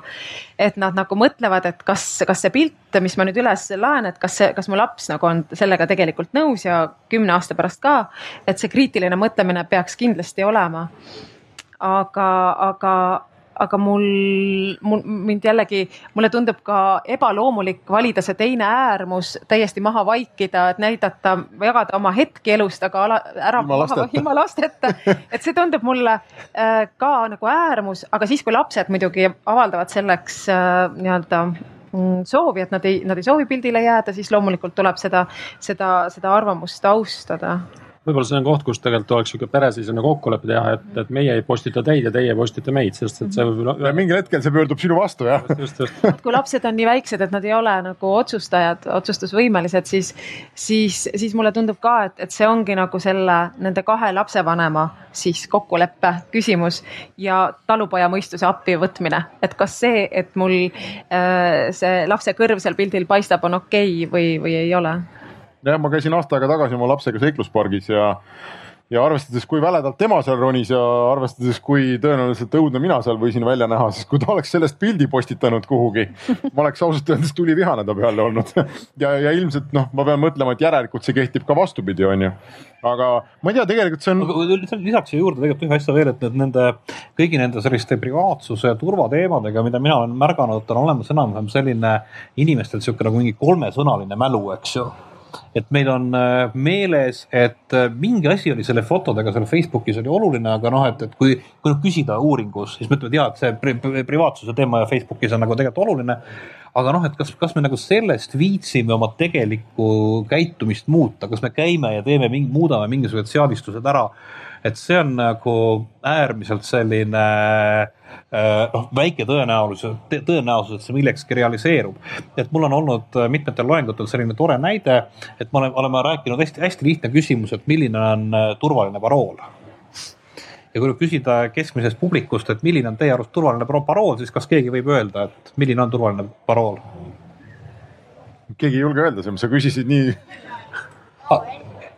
mida, öelge uuesti oma, oma sünnipäeval vist või mingi ah,. okei okay. lemmik, lemmik, lemmiklooma nimi ja sünnipäev, eks? ei okay., mitte oma sünnipäev ah,. Ah, mitte, see, see on okei okay.. ja ma olen teinud, teinud sa- saalis, kus inimesed on nagu tõesti nagu saanud äh, rohkem mõelda, siis kirjutada ja joonistada ja nad enamasti jõuavad sellele, et, turvaline parool on see, kus on äh, tähed, numbrid, suured su,, suured, väiksed tähed, numbrid, kirjavahemärgid, et see ja, ja kaheksa tükki peab olema pikk, eks ju mis on tegelikult selles mõttes selline suurusjärgus ütleme nagu mõnekümne aasta tagune seisukoht, mis ei arvesta reaalseid tänapäevaseid tegelikult parooli pihta tehtavaid äh, ründeid. ja kui ma ütlen, et tegelikult üks väga hea parool on äh, lihtsalt kolm suvalist eestikeelset sõna. kõik ütlevad, lolliks oled läinud või? Ja tulebki välja, et me, meil on olnud see, see, see, see, see puhver selle kohta, et noh, et me oleme õppinud selgeks ühe fakti turvalisuse kohta. turvaline on see, et ta on mingisugune keeruline arusaamatu asi, mille me kirjutame ülesse ja kasutame alati sama, eks ju. ja tuleb välja, tähendab, et, et noh, nagu kui nüüd tulla öelda, tähendab, et ei, et see ei ole turvaline, siis inimestel on täielik sihuke nagu lühis. et meie see turva, turva ja, ja selliste keeruliste kontseptsioonide peas hoidmise, see puhver on nagu, nagu hästi väike tegelikult. mis tähendab ka seda, et, et ka need kõik need igasugused kommunikatsioonilised sõnumid selle kohta, et mida me peaksime tegema laste äppidega ja nii edasi, telefonid peavad olema hästi lihtsad ja sellised noh, nagu kergesti rakendatavad, et kui me arutame, et, et noh, et, et okei okay,, jälgime, aga milline rakendus see peaks olema, kas te peaksite, kuidas kas pärast peaks ära kustutama need andmed, midagi sellist. inimesed ei tee seda, see lähebki, tähendab täiesti lappama, et see, sellest, sellele, selleni ei jõuta kunagi. ma hakkasin siin äh, sinu juttu kuulates mõtlema, et just oli seal, et küsimus, et kui vanemad või vanavanemad postitavad laste pilte kuhugi mm.. et huvitav, kas peaks nagu tegema lastega mingis vanuses nagu reset'i ehk et noh, okei okay,, kui ta on seitsmeaastane, kaheksa-aastane, üheksa-aastane, ma ei tea, aga ütleme, et kui ta on näiteks viisteist et kas peaks talle andma kogu nagu oma Facebooki ajaloo ette ja öelda, et sa võid kõik ära kustutada. Need noh, sinu kohta käivad pildid, mis sulle ei meeldi. et kas ma peaks mingil hetkel, kuna see jääb alles, ma peaks mingil hetkel andma talle ju võimaluse iseenda kohta käivat äh, nunnut asja kuidagi revideerida või? see oleks tegelikult minu arust ka iseenesest selline väga hea selline usalduse loomise tegelikult selline punkt et kus sa tähendab, ütled tõesti, et sa oled nüüd selles mõttes äh, täisealine, et me ei tee seda ära, värvimist ja metsa jooksmist, mis oli nagu vanadel hõimudel. aga nüüd on see, et sa võid issi konto pealt enda pildid ära kustutada, et see ongi selline täiskasvanuks saamise tunnus. ma ei tea, mis teised arvavad. usaldus ka. ma kujutan ette, et ähm, et see viieteistaastane ilmselt palub sul enamik äh, pilte ära kustutada, et kui me räägimegi sellisest nagu, nagu privaatsuse kontseptsioonist ja lapse arengust, siis umbes alates viiendast eluaastast hakkavad lapsed aru saama, et midagi, mis on nagu minu oma ja midagi, mis ei ole minu oma. Ja siis see vaikselt nagu kasvab ja sihuke kaksteist pluss juba päris hästi hoomab ka sellist info privaatsust nagu, nagu, nagu kergemal tasandil. ehk siis jah, et ilmselt seitsmeaastasega seda vestlust pidades ta usaldab oma ema, ta usaldab oma isa. suure tõenäosusega paljudel neist ei ole selle vastu midagi, et need pildid on, aga viieteistaastane lisaks sellele, et tal on, tal on kõrgendatud privaatsustaju eh, erinevatel põhjustel. tõesti, need on ju arengulised hormoonid, kõik asjad, siis ilmselt ta käseb sul need kõik ära võtta. aga jällegi, see ilmselt sõltub, kui usalduslik ja hea suhe teil, teil ikkagi on. aga samas ma küsiks vastu, ma olen nõus, onju, tõenäoliselt see on nagu lapse, lapse kätte see punase nupu andmine, kõik. aga mis siis? see on teine asi, mina ei ole kunagi aru saanud, miks pagana pärast peab olema igal pool ajalugu minu, minu, ka minu enda netitegevustest, kellele on vaja minu kümne aasta taguseid Messengeri vestlusi. kellel on vaja, et minu kümne aasta Facebooki sein oleks kõik alles koos kõigi nende piltide ja kommentaaridega või, või mingi Twitteri ajalugu või miks see peab olema üldse seal? minu arust ei pea olema. minu arust võiks, võiks üldse nagu igaüks võiks minu arvates kord aastas teha, lasta selle kõik õhku. kes see neid seal vahtimas käib või ma ei tea, olen ma valel teel? mõnele inimesele, ma arvan, lihtsalt mu enda tutvus, tutvusringkonnas, nad ütlevadki, et aa, ma ei kustuta kunagi vanu pilte ära, sest siis hiljem nad on mul ühes kohas olemas. et ta võib-olla, ma ei tea, arvuti kõvakettad lähevad nagu, nagu metsa mm -hmm. ja mingid, ma ei tea, keegi enam äh, fotosid välja ei prindi, aga vot Instagramis mul see ajajoon, ma saan minna neli aastat tagasi, mul on kõik olemas, mul on need mälestused, ma, mille ma võib-olla unustaks ära, aga näed, mul on pildid olemas, et, et ma tean nagu inimeste enda sellist, sellist monoloogi selles mõttes, et miks nad ei kustuta seda vana infot ära ja kõik need sotsiaalmeedia firmad teevad kõik selleks, et sa ei sa ei kustutaks. kustutaks. see on kohutavalt keeruline, ma olen seda teinud Facebook. näitab sulle memories on ju, kui ilus see on, see muusika mängib ja sa ja vaatad. see on üks pool, aga teine pool ka, kui sa nüüd reaalselt teed südame kõvaks ja hakkad kustutama. ma ei tea, kas keegi siit on publikust on seda teinud läbi, mina olen. see on kohutavalt keeruline, see on Instagramis tuli konkreetselt ükshaaval seda teha ja mul läks mingi kolmveerand päeva, et, et endast lahti saada, ma tahtsin konto alles jätta, lihtsalt sisu tahtsin ära kustutada. ja Twitteri puhul ma pidin maksma mingisugusele firmale, no mingi teenus on tasuline teenus, mis äh, võimaldas teatud ajast äh, kõik tweet'id äh, minema saata. nüüd ma tegin seda, et ainult viimase aasta omad jäid, sest ma mõtlesin, see oli mingi hetk siis, kui äh, ma ei mäleta, mingis mingite valimistega või noh, kusagilt kaevati välja mingisuguseid vanu tweet'e ja no öeldi, et mida ta selle kohta kirjutas siis. ja siis ma sain aru, et see tegelikult on üks viitsütikuga pomm, mis nagu minul ei ole mitte kuidagi kasulik enam. aga, aga see selleks, ma ei tea, me oleme siin ise nüüd jauranud hästi pikalt ja kakskümmend minutit on veel aega, et kui publikus keegigi tahab sõna võtta, öelda, et meil on õigus või et meil ei ole õigus või kuidas teil on äh, asjad korraldatud, siis kuulaks mõnda last võib-olla, et saaks jah, Siimul on võimalik kritiseerida, issitada, kuulda, kuidas on olnud kasvada. Äh, tere, tahtsin kõigepealt jagada ja siis ka selgitava küsimuse esitada. tulen just äh, vahetusaastalt Ameerika Ühendriigist ja seal on see äpp äh, Life360 ikka ütleme nii, et väga populaarne vanemate seas. kaheksateist pluss inimestel on ka telefonis see äpp ja nagu nähes seda, kuidas minul pole elu sees mingit kontrolli olnud ja siis neil, siis nad on igasugused vigurid, kuidas iPhone'i sätetest muuta midagi ära, et ei saaks kontrollida ja kuidas neid ära delete ida, et saaks siis sõpradega kuskile koos minna, et see. räägi natuke lähemalt, mis äpp see on, kas ma, Life360. Ma pole kuulnud sellest õnneks see on see vist. põhiline nüüd, mis on nii-öelda vanematel, et seal on äh, äh, location, siis seal on see, et kui autoga keegi ületab kiirust, siis on kohe vanematele teavitus ja on ka need teavitused, et ta jõudis koju, ta jõudis kooli, ta jõudis, siis saad ka panna mingid trennid, asjad sinna. et see on see põhiline, mida nüüd ma tean, USA-s kasutatakse. aga ma arvan, et sa tõidki väga hea nagu vaatenurga siia, et missugust käitumist ja missugust tagajärge omab see, kui sa hakkad oma last kontrollima. mida sa tahad, et see omaks ja mis tegelikult, kui sa seda nagu ette mõtled, sa saad ju kohe aru, et jah, sa tahad olla kõik hea ja kontrollida, et su lapsel läheks kõik hästi. aga kui sa natuke mõtled, sa saad aru, mida see kaks asja, mis reak- reaktsioon tekib. usaldusmatus, usalduskriis ja petmine. sest et sa hakkad otsima viisi, kuidas petta seda süsteemi ehk siis petta oma vanemat sest et vanem ei usalda sind. et kas see on see siis, mis sa tahtsid ja see on tegelikult tagajärg. Aga kui me nii mõtleme, siis ju- see on täpselt vastupidine, mida me tahtsime.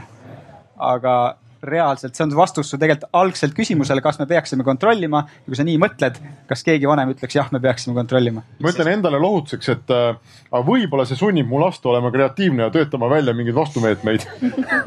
äkki ta, olen, ma olen, kunagi just äh, Birgi, Birgi Loorentsiga vist sellel teemal nagu arutanud ja kui ma lugesin ka just äh, kelle- kellegi ameeriklase kommentaari Twitteris teemal tähendab, et kuidas äh, nutikamad lapsed te- teenivad hommikul koolibussist raha sellega, et äh, lahti lukustavad äh, vähem nutikate klassiõdede ja vendade äh, telefone ja võtavad maha neid vanemate neid äh, piir-, piiranguid ja muid asju, siis ma küsisin, et äh, kuule, et aga kuidas meil nagu selles mõttes on, et kas nagu meie koolides ka tehakse, Birgus ütles, et ei, et nagu no ilmselt, ilmselt on nii-öelda see, see jälgimine ja piiramine on ikkagi nagu niivõrd väike, et see ei ole tekitanud kooliõpilast. ei ole teemaks jah. Marit, Ähm, mul on natuke statistikat, üsna, üsna adekvaatset ja esinduslikku.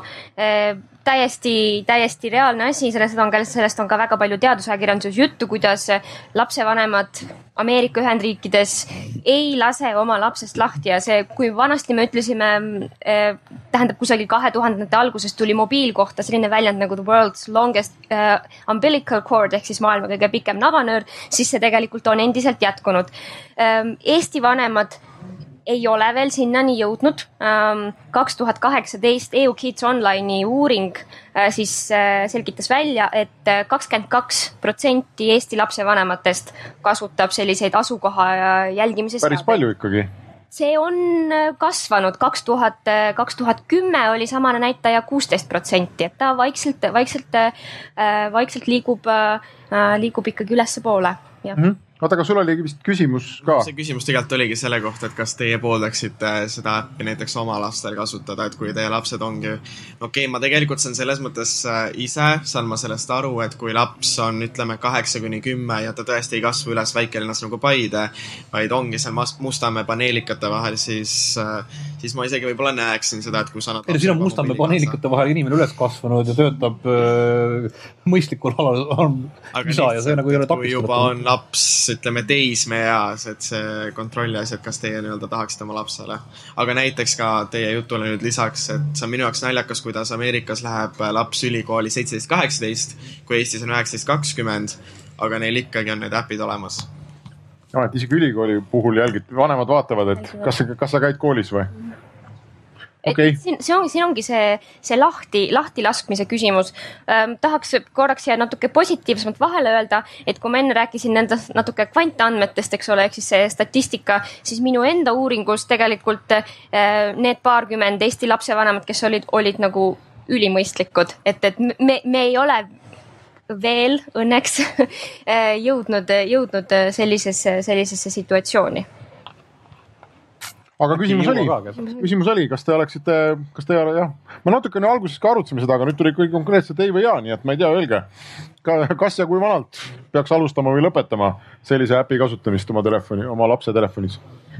minul on üks äh, selline kogemus, kus ähm, isa oli väga mures oma teismelise tütre pärast ja tal oli see äpp ja teismeli, ta nägigi põhimõtteliselt, me kohtusime temaga vahetult pärast seda, kui ta nägi, et äh, tütar ütleb üht, aga tegelikult on teises kohas. ja sealsamas kohas, kus tal oli varem äh, äh, probleem olnud äh, sea-, seadusega nii-öelda äh,, seaduse suhtes. Ja, ja see isa ei teadnud, mida teha. Ta noh, ta sai aru, et, et äh, tütar valetab, aga, aga tal ei olnud nagu mingisugust ähm, noh, ta oli, ta oli tohutus segaduses. Ja, ja, ja võib-olla esimene, esimene selline mõte või, või, või kuhu poole ta, ta nagu kaldus, oligi see, et ta peab kuidagi karistama oma last ja siis see nagu tõstatas minus äh, tõesti noh, et see oli minu jaoks õpetlik lugu, et minu laste teismeead, iga on veel ees. et, et kuidas ikkagi, kuidas ma saan äh, ise kasvada, et jääda usaldavaks nendes olukordades ja lasta oma lapsel oma vead ära teha et kuidas ma nagu saan ise, ise nagu sellest aru, et ma ei saagi tema eest kõike otsustada ja ta, ta peabki vead läbi tegema et, et see oli, see oli nagu minu küsimus mulle endale, mitte, mitte suunatud siis lapse kasvatamisele, vaid iseenda kasvatamisele. ja see on kindlasti raske. jah, jah, et äh, me, kui me arutasime just äh, seda teemat kodus, siis äh, öeldi mulle, et, et meil oli ka kunagi ka arvutis oli mingisugunegi mänguaja jälgimise mingisugune lahendus. siis mul tuli meelde, et tõesti, et kunagi mingil põhjusel sai see pandud selleks äh, aga ma pean tunnistama, et me, et see jäi nagu enam laste enda jälgida, et nad seda oma aega arvestavad või mitte, et äh, et vist nagu kunagi nagu eriti ei ole selle küsimusega tegelenud, et et äh, ma ei tea, ma, ma, ma arvan, et see too, tookord selle katsetamine oli ka suhteliselt sihuke nagu, nagu pointless, et võib-olla oleks pidanud mitte tegemagi, et mulle, mulle tundus sinu seda küsimust ja kirjeldust kuulates ja, ja nüüd Merle juttu, et, et see on võib-olla selline järjekordne näide sellest, kus tehnoloogia noh, lubab ühte, aga tulemus on, on see nagu alati. Ehk et sa võid selle äpi panna, on ju, oma lapse telefoni. Ja nüüd, mis sa saad teada, on see, et ta kas A käib koolis või B ta ütleb, et ta läheb kooli, tegelikult ei käi koolis. aga see probleem ju jääb, et noh, sa selle pead ikka kuidagi ise ära lahendama, on ju, et äh, ja, ja, ja ma arvan, et sa saaksid sellest varem või hiljem teada, kui ta ei käiks koolis, isegi kui sul ei ole seda äppi seal peal. ja probleem ikka jääks, et sa tegelikult ei jõua ju noh, kuidagi paremasse olukorda või mulle tundub. enamuste, enamuste turva, turva selliste lahenduste puhul äh, erinevad nüüd mit- mitte laste ja sellega seoses, vaid vaadates äh, muid asju, on see, et, et sa oled mingi probleemi, turvalisuse probleemi lahendamiseks soetanud endale mingisuguse asja. Ja nüüd sa tahad teada, et see töötab. Ja põhimõtteliselt äh, su lapse jälgimisrakendus äh, tundub, et ei tööta, juhul kui ta ei raporteeriks sulle pida-, pidevalt mingisuguseid asju mis tekitavad sinus selles mõttes ka sihukest, kas siis mingisugust ärevust või mingisugust reaktsiooni ja sa tead, et järgmine kuu oled sa nõus selle teenuse eest jälle maksma, sest et sa ju said mingisugust informatsiooni. ja väga suur hulk äh, turvarakendustest koosnevad lihtsalt suurest hulgast noh, nii-öelda linnukestest, mis annavad sulle rahu, et sa oled teinud mingid asjad kusagilt, pannud mingid nupud roheliseks ja siis sulle vahepeal öeldakse, et ta nüüd tegi midagi, et ta jälgis, et su laps käis koolis või midagi muud sihukest sa saad raporti iga päev või iga nädal Ja- saad emailile. see, on jah, see on umbes selline, tähendab, et, et see tekitab sul mingisuguse järjekordse sellise eh, noh, siukse äh, ängi või sellise probleemi, et ta, ta, ta, ta kuidagi ma, ma tunnen, et need süsteemid on sageli sellised, et nad panevad sind siis elama selles maailmas, kus, mis on nüüd ebaturvaline.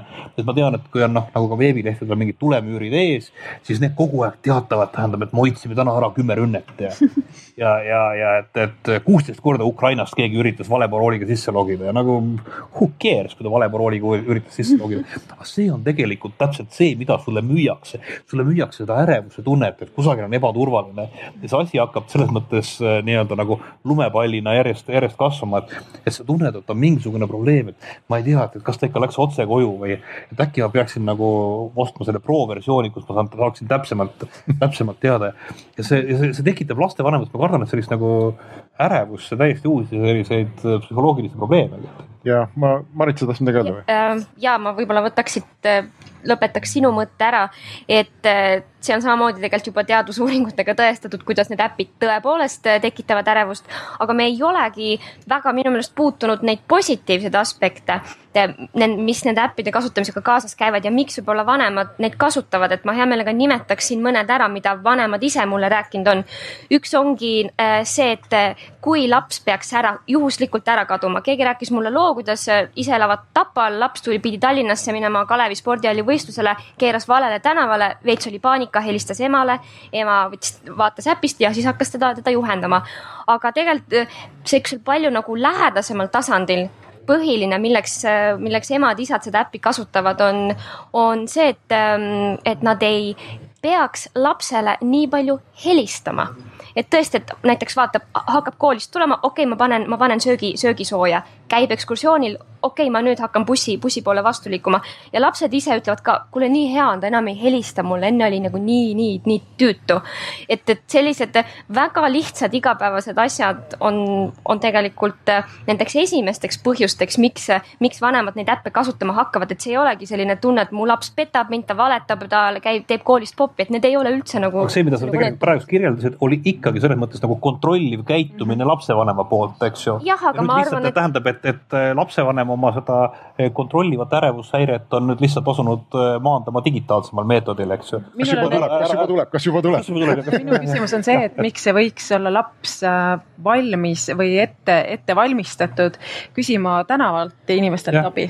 jah, mul on, no see on juba teine, teine, teine. mulle meenub, et jah, et, et minu tore noore, noorem, ma arvan, et see vist oli, käis just noorema poja kohta, kes äh, kunagi tuleb mulle kõne võõralt telefoninumbrilt ja helistab mu laps. Nii ma olen ka sellise saanud. what's the catch? siis tuleb tõi, et tal oli mis iganes võtmed jäid koju ja ta lihtsalt bussipeatuses küsis mingi tädi käest telefoni, et kas ta tohib issil helistada. ta teadis issi telefoni, helistas, ütles, et mul on nüüd sihuke värk, et oleks vaja kuidagi nagu see asi lahendada. Et ta sai sellega hakkama, tähendab, et neid asju on võimalik lahendada täiesti ilma telefonita, et tähendab, et, et ja, ja, ja ja see tekibki nagu see, nagu seesama, siin oli eelnevalt oli ka just dispuut eelmises äh, paneelis. kas tehnoloogia on hea või halb ja, ja kujutage ette, kui nüüd tuleb Hiina ja keerab meil kõik kokku, kõik interneti kinni ja meil on äh, äh, tervishoid ja kõik on internetis, et mis siis saab, eks ju, noh, sama lugu, et aga mis siis saab, kui nüüd nagu internet käib maha ja me nagu ei, ei teagi, kus me lapsed on või? Me lapsed ei jõua tenniseväljakule. ei vaata, aga siin on, aga ikkagi maailm või ütleme, ühiskond on ka nii palju muutunud, et, et äh, mitte lastega, vaid ma arvan, et ka väga paljudes peredes omavahel käib äh, kogu aeg selline väike ping nagu Messengeris, et hakkan töölt tulema, jõudsin koju kus sa oled, mis kell sa tuled, et ma jõuan viie minuti pärast, no et kogu aeg käib nagu selline bitthaaval nagu info vahetamine. et äh, ma, ma kujutan ette, et nagu siis, kui sina noor olid, siis nagu, et või sinu vanemate puhul nad tõenäoliselt ei pruukinud üldse teada, et noh, et ma ei tea, kus teine on või et noh, et mis kell ta, kus ta antud hetkel täpselt on ja kas ta just praegu hakkas töö juurest liikuma et aga nüüd on see kuidagi iseenesestmõistetav, on ju, et meil noh, radar on kogu aeg kuidagi nagu, et enam-vähem tead, on ju, et mida ärevus on ka suurem tegelikult. tähendab vaimsete häiret, häirete osakaal ühiskonnas, ma saan aru, on pidevalt nagu kasvamas, eks ju. ja ja vaata, vanasti olid need nõukaaegsed anekdoodid, et mees läks viima toatuhvlitega prügiämbrit välja ja tuli kolme nädala pärast, et see tänapäeval võimalik ei oleks. kohe helistad, küsid, kus sa oled.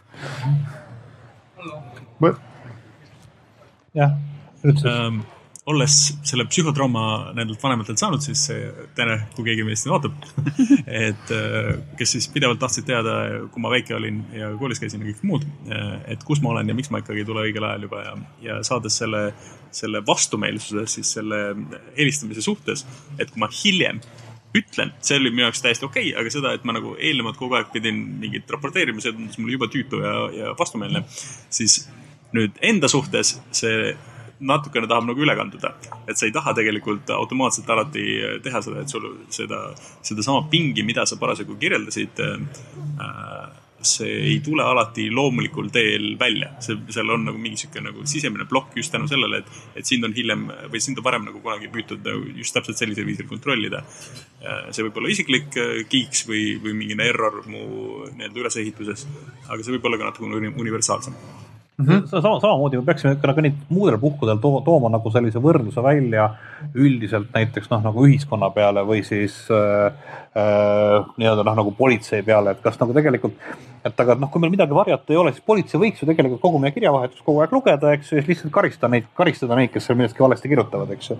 et see on täpselt noh, nagu samasugune selline nagu tulla, tulla selle lapse teema pealt ühiskonna peale ja mulle tundub, et see nagu ei oleks nagu hea ühiskond, kus äh, politsei kõike kogu aeg jälgiks ja siis, siis kui neil on jälle kuu lõpus on vaja plaan täita, siis ta paneks mõned kinni, eks ju. nii, seal on meil küsimus. ma võtaks selle mikrofoni ja ma ei tea, see on päris selline me..., jah, tehke sellist teatevõistlust seal. muidu ma mõtlesin praegu, kui ma siit lajatan sinna selle mikrofoni, siis keegi saab pihta.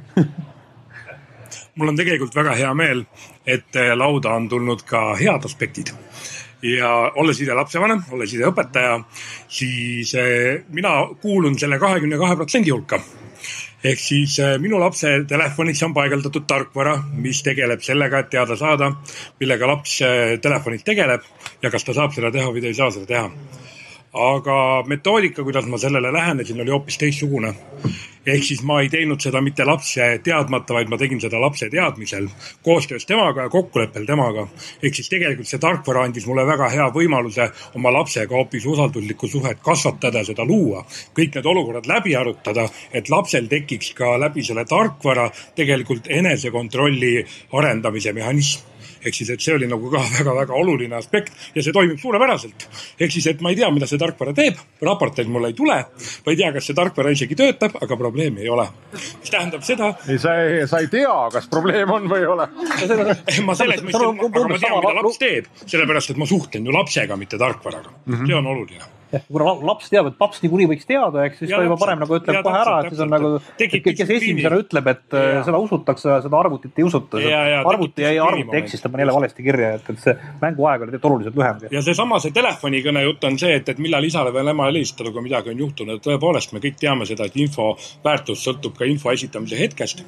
Ehk siis eh, kogemus lapsepõlvest, kus me ükskord sõbraga salaja võtsime, noh, olles sellised hilisteismelised, laenasime sõbra ema autot ja sellega juhtus nii mõndagi ja siis, kui õhtul tuli selle raporteerida, siis mu sõber sai oma ema vestlust alustada hea sõnumiga, et hea uudis on see, et autol uus tagaklaas on juba olemas.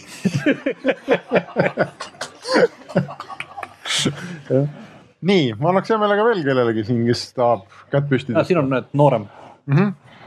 nii, püüa. Et äh, jah, minul on ka juhtunud niimoodi, et piirangud on peal ja siis loomulikult tuleb see tunne, et sa tahaks petta ja saada rohkem. ma jah, tegin ja leidsin ühe sellise asja, kus ma sain mööda hiilida, aga see avastati ka kohe. nii et see auk pandi kinni, jah? see pandi kinni ja siis äh, ma proovisin edasi saada, aga no lõpuks tuli ise aru ka pähe, et see ainult on halb. nii et äh, ma andsin isale mõtte, et äkki paneks hoopis telefoni ära seifi, on arvuti asemele ja mingit piirangut ei ole. väga õige, sul on selja taga oli järgmisel noormehel käsi püsti.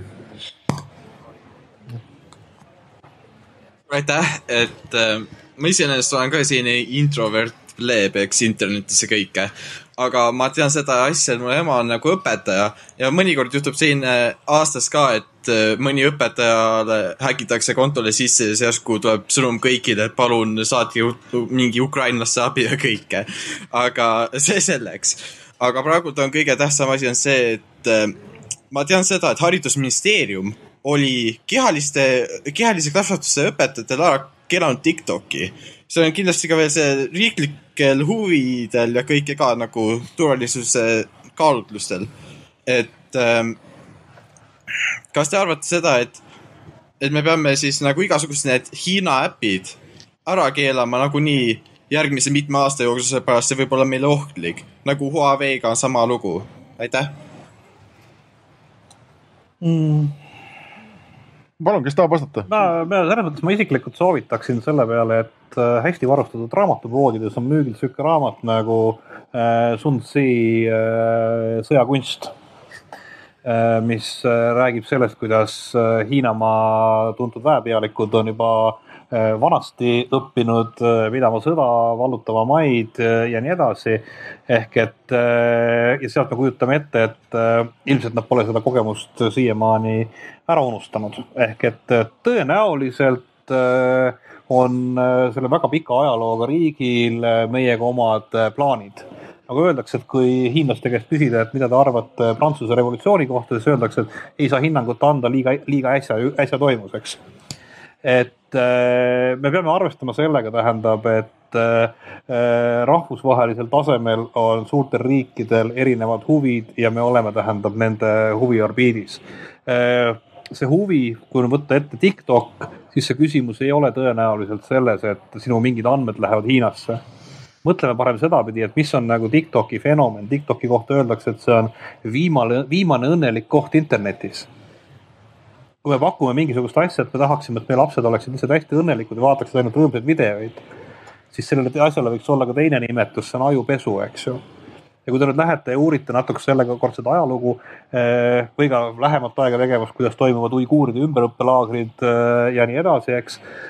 Kuidas Hiina on eh, ümber õpetanud sammhaaval natukese eh, sõjavangi ja nii edasi, et siis ma pigem mõtleksin selle poole peale, et, et kui sa, kui see hakkab mõjutama sinu enda mõttetegevust, siis tõenäoliselt äh, see on see tegeline, tegelik prof, äh, probleem ja see Hiina pikem strateegia nende asjadega, nii et äh, aga sama me võime öelda, nagu me teame ka Facebooki kohta, seal on olnud seesama kõik need Cambridge Analytica lood ja muud, et see ei ole nagu selles mõttes ühe rakenduse keskel, me peame, me peame olema teadlikud sellest, mis meie ümber toimuvad. me peame saama aru, et mis me rääkisime, samad need lastevanemate jälgimisabi äpid, kuhu need saadavad, et mis see tegelikult see infoturva on.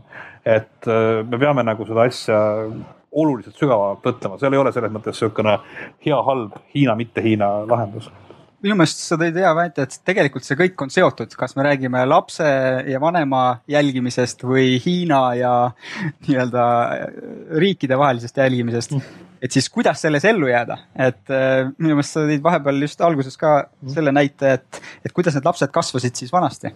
et äh, mille eest mina olen oma emale tänulik, ta õpetas mulle ainult baasväärtusi, baasväärtusi, mis on nii-öelda hea, kuidas elada, kuidas hakkama saada, aga jättis selle nii-öelda edasise siis äh, minu hooleks et siis kuidas me suutsime oma lapsele sellises olukorras, kus meil on igalt poolt seesama rünne toimub, ka ainuke võimalus neil ellu jääda on olla baastasemel õiges kohas mm, -hmm. siis ta suudab neid otsuseid, sest et me kontrollida lõpuni ei saa.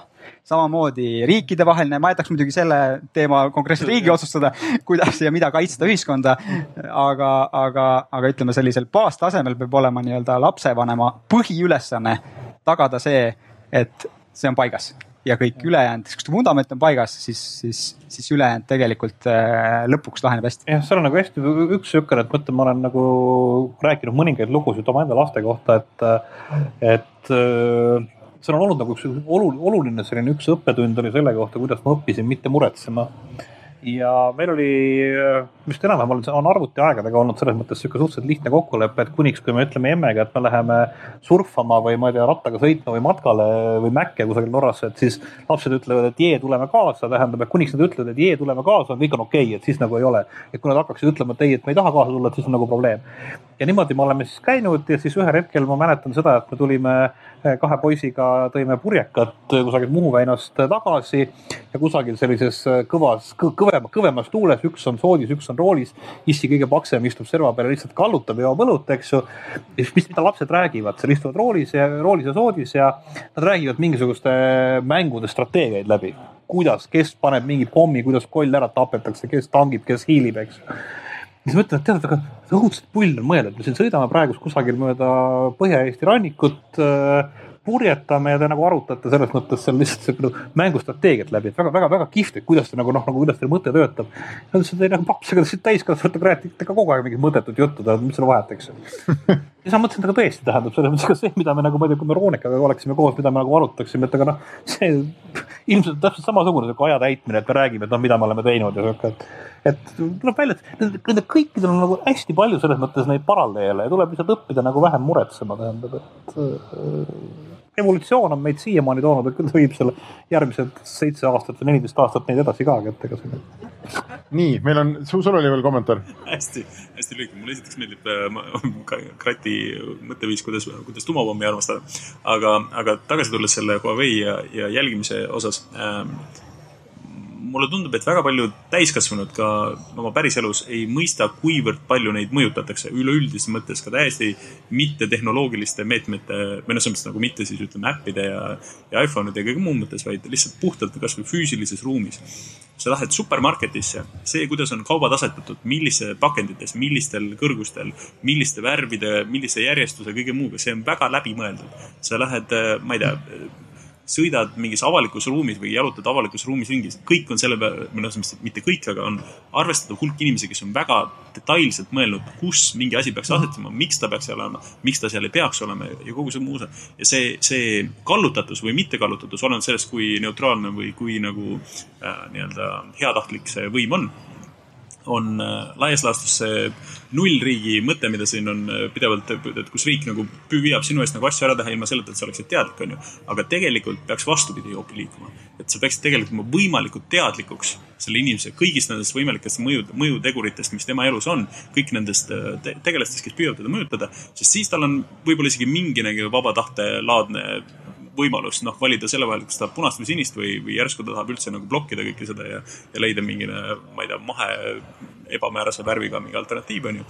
et, et see, see teadlikkus mõjutamisest selmet nii-öelda kulgeda seal tagaistmel või, või selle reisijana, mida sa seal eelnevalt mainisid, mida tegelikult suurem osa elanikkonnast teeb, noh jah, mitte ainult lastest, vaid ka inimestest, kõigist. meil on aeg ümber, minu meelest see on väga kihvt mõte, millega lõpetada, et äkki see, et me ise kasvatame oma lapsi, on illusioon, sest nad on kaheksa tundi päevas lasteaias või koolis.